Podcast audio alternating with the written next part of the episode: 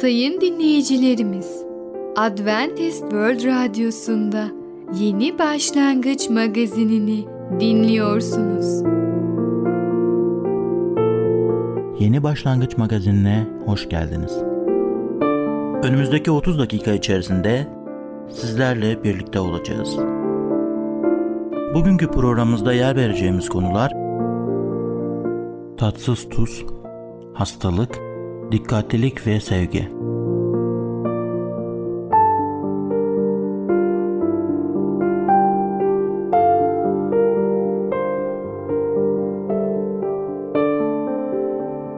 Adventist World Radyosu'nu dinliyorsunuz. Sizi seven ve düşünen radyo kanalı.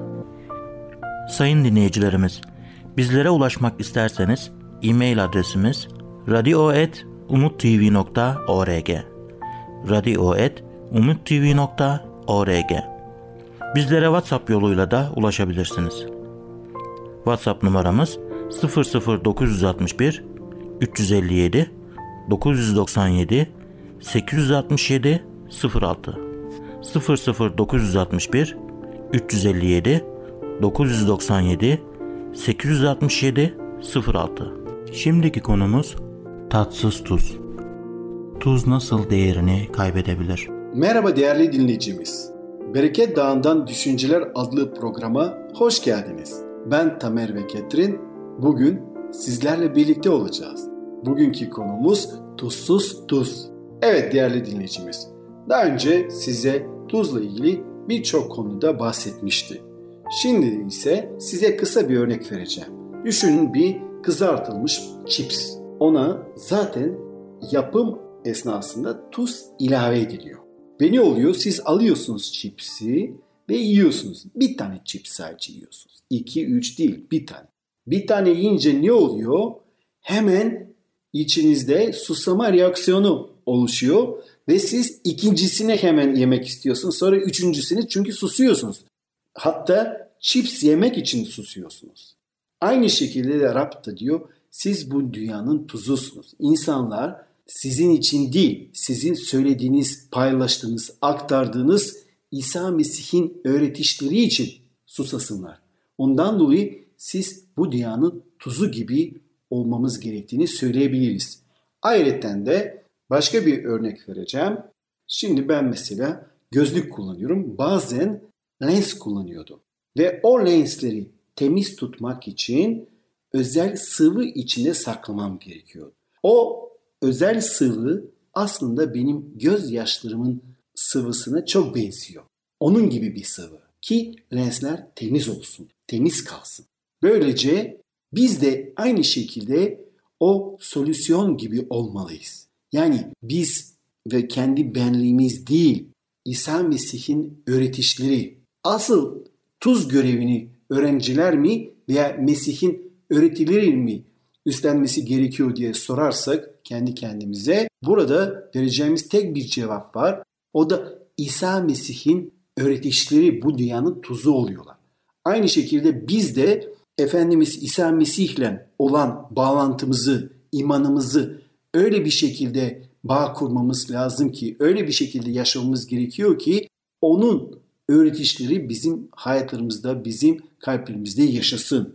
Ve böylece insanlar beni değil onu görsünler benim hayatımda. Onun öğretişlerini, onun karakterini, onun sözlerini görsünler. Ve böylece onun sözleri insanlarda o tuz görevini yapacak. O yaşam veren ve insanları kötülükten koruyan tuz görevini görecekler.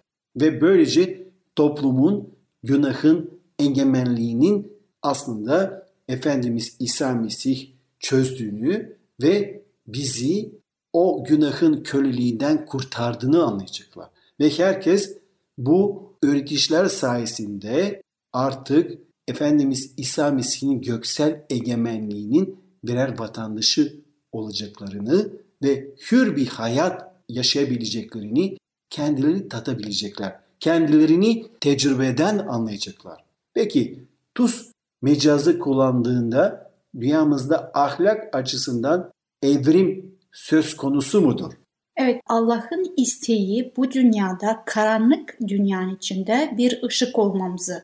Yani e, biz cennetten olan yaşantıyı bu karanlığa taşıdığımız zaman insanlara o cenneti tattırmaya çalışacağız. Ve insanlar da bunu görünce tabii ki onu elde etmeye çalışacaklar, onu almaya çalışacaklar. Soruya geldiğimiz zaman gerçekten kutsal kitaba bakalım. Bizim dediğimiz değil. Kutsal kitap bu konuda bize ne söylemek istiyor? Matta kitabında 5. bölümde 14. ayette bakın ne söylüyor.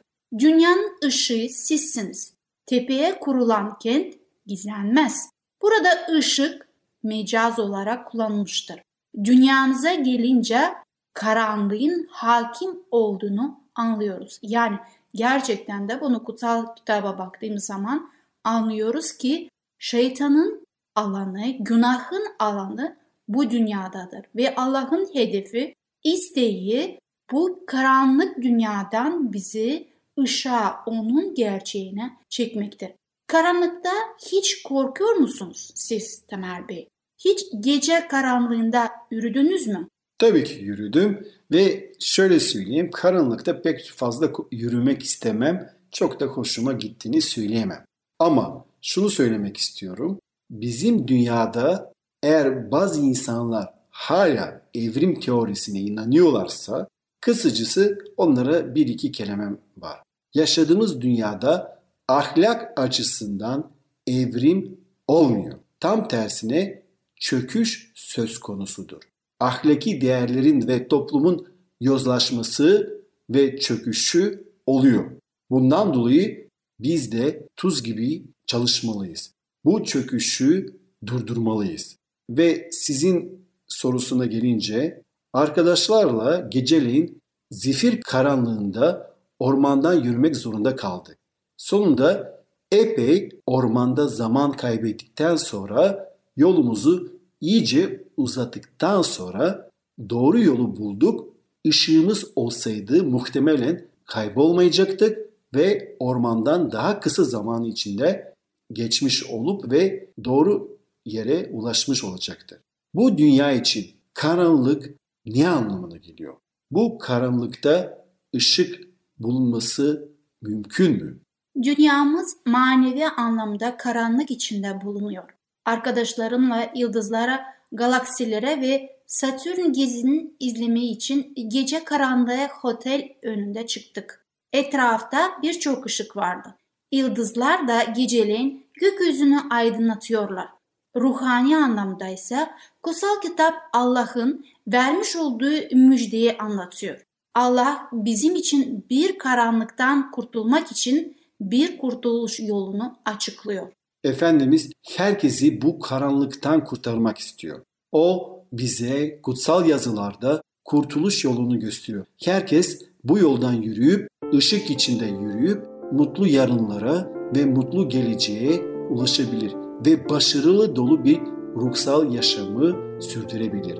Biliyoruz ki bu Efendimiz İsa Mesih'in yardımıyla mümkündür. Yeter ki ona güvenelim ve onun gösterdiği doğru yoldan yürüyelim.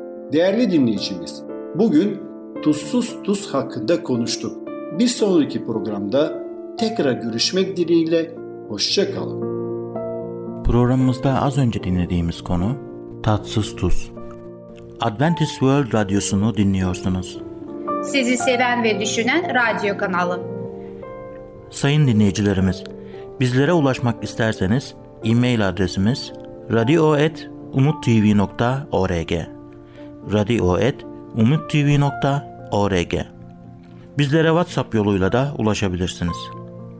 WhatsApp numaramız 00961 357 997 867 06 00961 357 997 867 06 Şimdiki konumuz hastalık. Hastalık nedir? Merhaba sayın dinleyicimiz. Ben Fidan. Yeni başlangıç programımıza hoş geldiniz. Bugün sizinle birlikte hastalık adlı konuyu öğreneceğiz. Öyleyse başlayalım. Hastalık Bu bölüm genetik hastalıklar için geçerli değildir.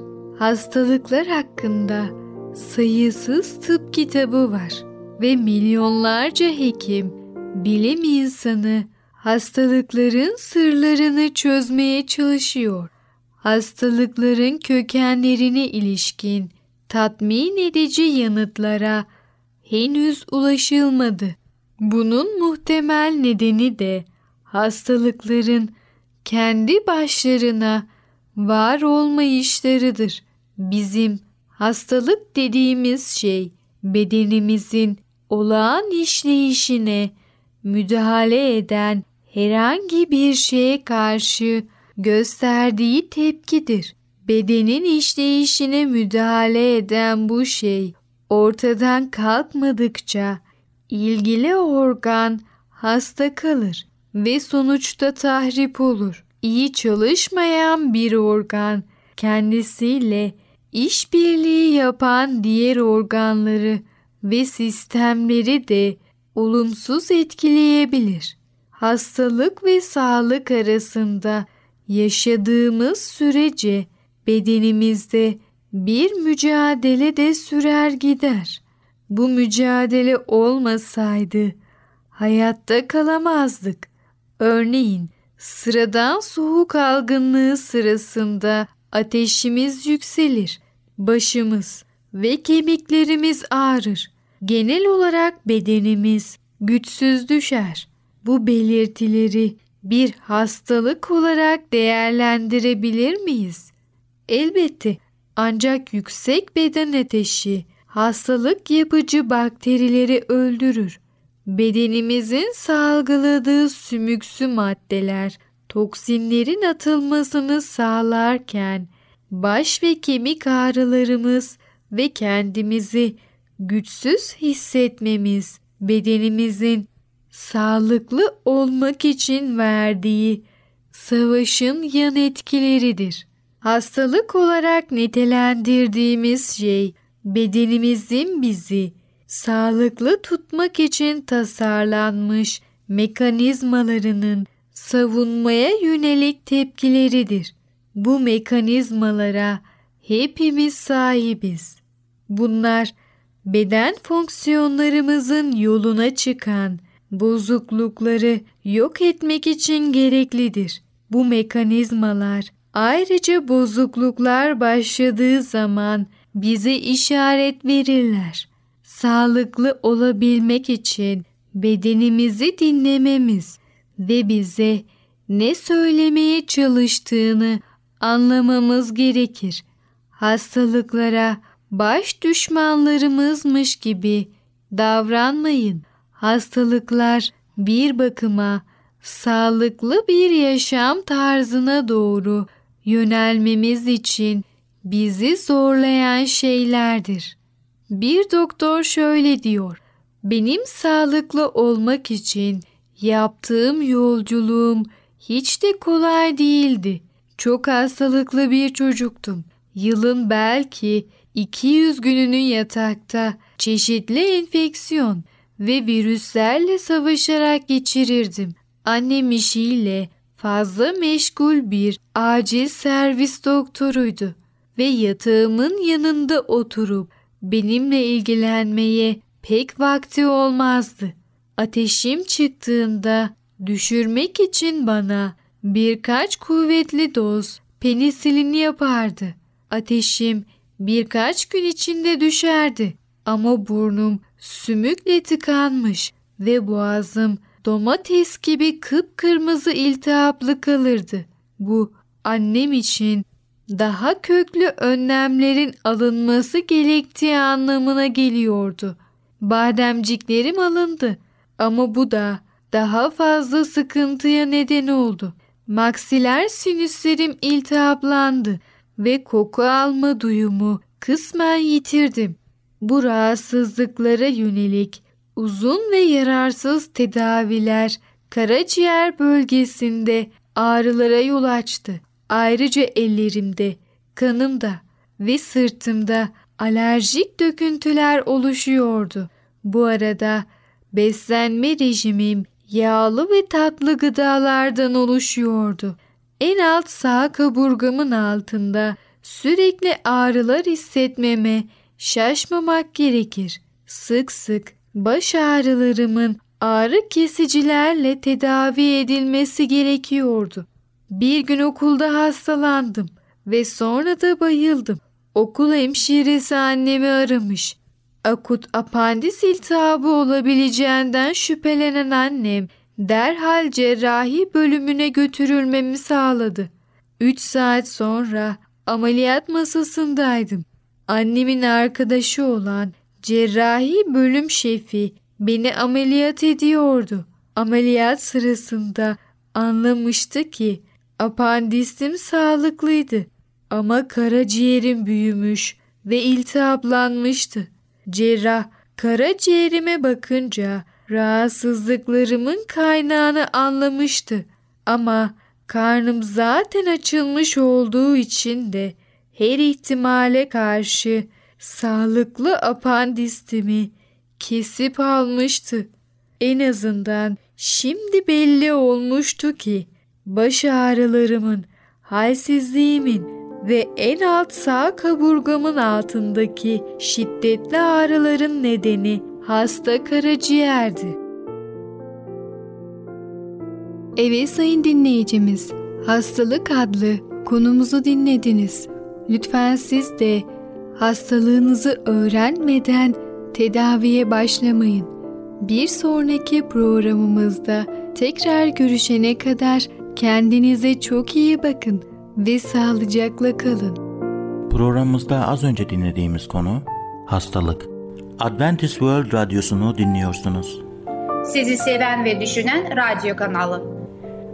Sayın dinleyicilerimiz, bizlere ulaşmak isterseniz e-mail adresimiz radio.umutv.org radio.umutv.org Bizlere WhatsApp yoluyla da ulaşabilirsiniz.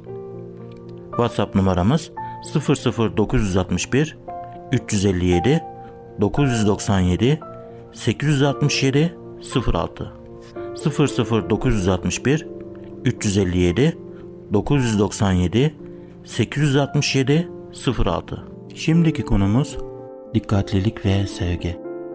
Dikkatlilik iletişimde ne kadar önemlidir? Değerli dinleyicimiz merhabalar. Ey Babalar adlı programıma hoş geldiniz. Ben Ketrin. Bugün sizlerle birlikte ailedeki iletişim temel öğelerini araştırmaya devam edeceğiz. Bugün güvenlilik ve sevgi hakkında konuşmak istiyorum. Çoğumuz konuşmak için fazla teşviğe ihtiyaç duymayız. Ama gerçekten dinleyen kişiler olmaya çalışmamız gerektiğini bize hatırlaması gerekmektedir. Dinliyormuş gibi yaptığımız halde sözcüklerden başka bir şey duymak mümkündür. Özellikle de onu daha önce işittiğimiz düşünüyorsak. Ama mesajın tümünü işitmek bundan farklı bir şeydir. Bir konunun çok eski olması onun eşimiz için ne kadar önemli bir konu olduğunu gösteriyor olabilir. Bu yüzden bu konu bizim için de önemli olmalıdır ve onu önemli olarak ele almak istiyorum. Konu hassas olduğundan ona özellikle dikkat etmeliyiz. Eşimiz bizden nasıl bir tepki alacağını bilemediğinde dinlemekle ilgilenip ilgilenmediğimizi görmek için dikkatlice bir yorumda bulunabilir. Eğer sinyali alıp olumlu bir yanıt verirsek büyük bir olasılıkla kaçırmak istemeyeceğimiz daha çok şey söyleyecektir. İyi dinlemek için çabuk yanıtlar vermek yatkınlığına karşı durmalıyız. Bu tür yanıtlar fazlasıyla sık bir biçimde önyargılıdır. Dinlemeden yanıt vermek ahmaklık ve utançtır. Bunu Süleyman peygamber söylemişti bir zamanlarda ve bu sözleri Süleyman Özdeşlerinde 18. bölümde 13. ayette bulabilirsiniz. Ayrıca da kaba bir davranıştır. Karılarımızda ve başkalarında onların çıkarlarıyla hiç ilgilenmediğimiz ve konuyu onların bakış açısından anlamaya çalışmadığımız duygusunu yaratır. Eğer dikkatli dinleyiciler olmazsak daha sonra duymuş olmayı istediğimiz şeyleri kaçırırız. Neden birisi bana söylemedi diyebiliriz. Bunun yanıtı şöyle olabilir. Söylemeye çalıştım ama sen işitmedin. Dinlemiyordun. Şöyle şöyle olduğu zaman hatırlıyor musun? Gerçek sevgi kayıtsız, şartsız sever. Ne olursa olsun sever. Ailedeki herkese güvence verir. Ailede iletişimi teşvik eder. Çünkü ailedeki kimsenin kendi kendine eğer gerçekten nasıl hissettiğimi söylersem hala sevilir miyim diye sorması gerekmez. Sevgi, şefkat ve duygusallık gösterir. Karşınızdakinin çırpışını hissetmeye çalışır. Duygudaşlık gösteren bir insanın sizinle ilgilendiğini hissettiğiniz için onunla konuşmanın kolay olduğunu bilirsiniz. Eğer siz duygudaşlık gösteren biriyseniz başkaları da sizin hakkınızda aynı şeyleri hissedecektir. Bazı insanlar içinden bulundukları durum için bir yanıtınız olmadığını bildikleri halde içlerine dökmek isterler.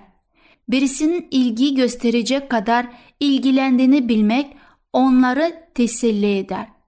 Bir keresinde arabamda bir soru çıkmıştı. Birisi durdu ama bana yardım edemedi. Bunun üzerine yoluna devam etti. Bana arabam konusunda hiç yardımı olmamıştı ama ben birisi bunu yapmaya denemiş olduğu için kendimi daha iyi hissetmiştim. Sevgi sır saklar. Kendisine verdiğimiz bilgilerle neler yapacağı konusunda hiç güven duymadığımız birisiyle konuşmakta zorlanmanıza şaşmamalı. Toplumumuzda kadınları ağızlarını tutamamakla suçlamak popülerdir.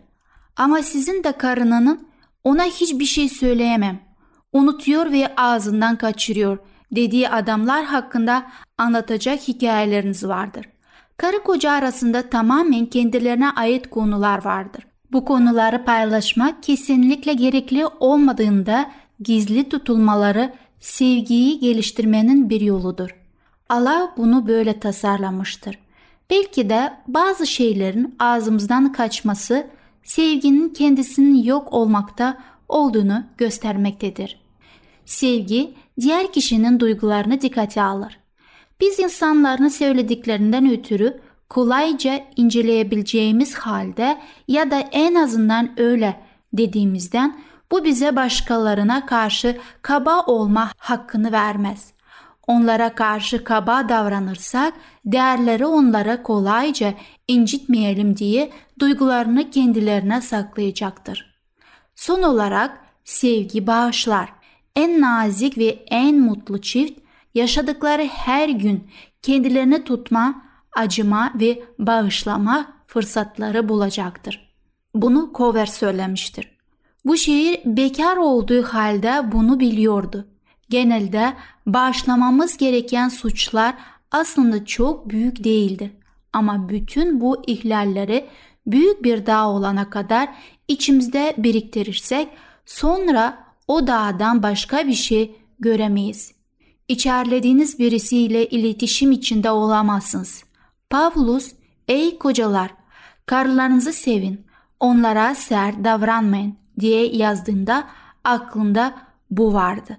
Koloseylerde bu sözleri bulabilirsiniz 3. bölümde 19. ayette. Sevgi gerçekten büyük bir şey. Allah onu bize boşuna vermemiştir. Seven hiçbir yanlışa kötü bakmaz ve biriktirmez. En önemlisi de budur. Sevgiyle gerçekten de kolay yaşanır. Eğer ailenizde çocukluğunuzda çok sevildiyseniz bunu çok iyi biliyorsunuzdur. Rahatsız eden bir kötü düşünce yok. Yaşamak sanki uçuyormuş gibi. Ama sevgi yokken tüm ağırlıklar gelir. Çok şeyi hatırlamanız lazım, biriktirmeniz lazım vesaire. Bu ne kadar büyük bir yüktür. Bugün nasıl yaşayacağınıza size bağlıdır. Neyi seçeceksiniz size bağlıdır. Kolayı mı, zoru mu? Allah bugün kolayı size teklif ediyor. Bu teklifi kabul edecekseniz onunla birlikte olacaksınız. Değerli dinleyicimiz, Dikkatlilik ve Sevgi adlı konumuzu dinlediniz. Bir sonraki programda tekrar görüşmek dileğiyle. Hoşçakalın. Programımızda az önce dinlediğimiz konu dikkatlilik ve sevgi. Adventist World Radyosu'nu dinliyorsunuz. Sizi seven ve düşünen radyo kanalı. Sayın dinleyicilerimiz, bizlere ulaşmak isterseniz e-mail adresimiz radio.umutv.org radio.umutv.org Bizlere WhatsApp yoluyla da ulaşabilirsiniz.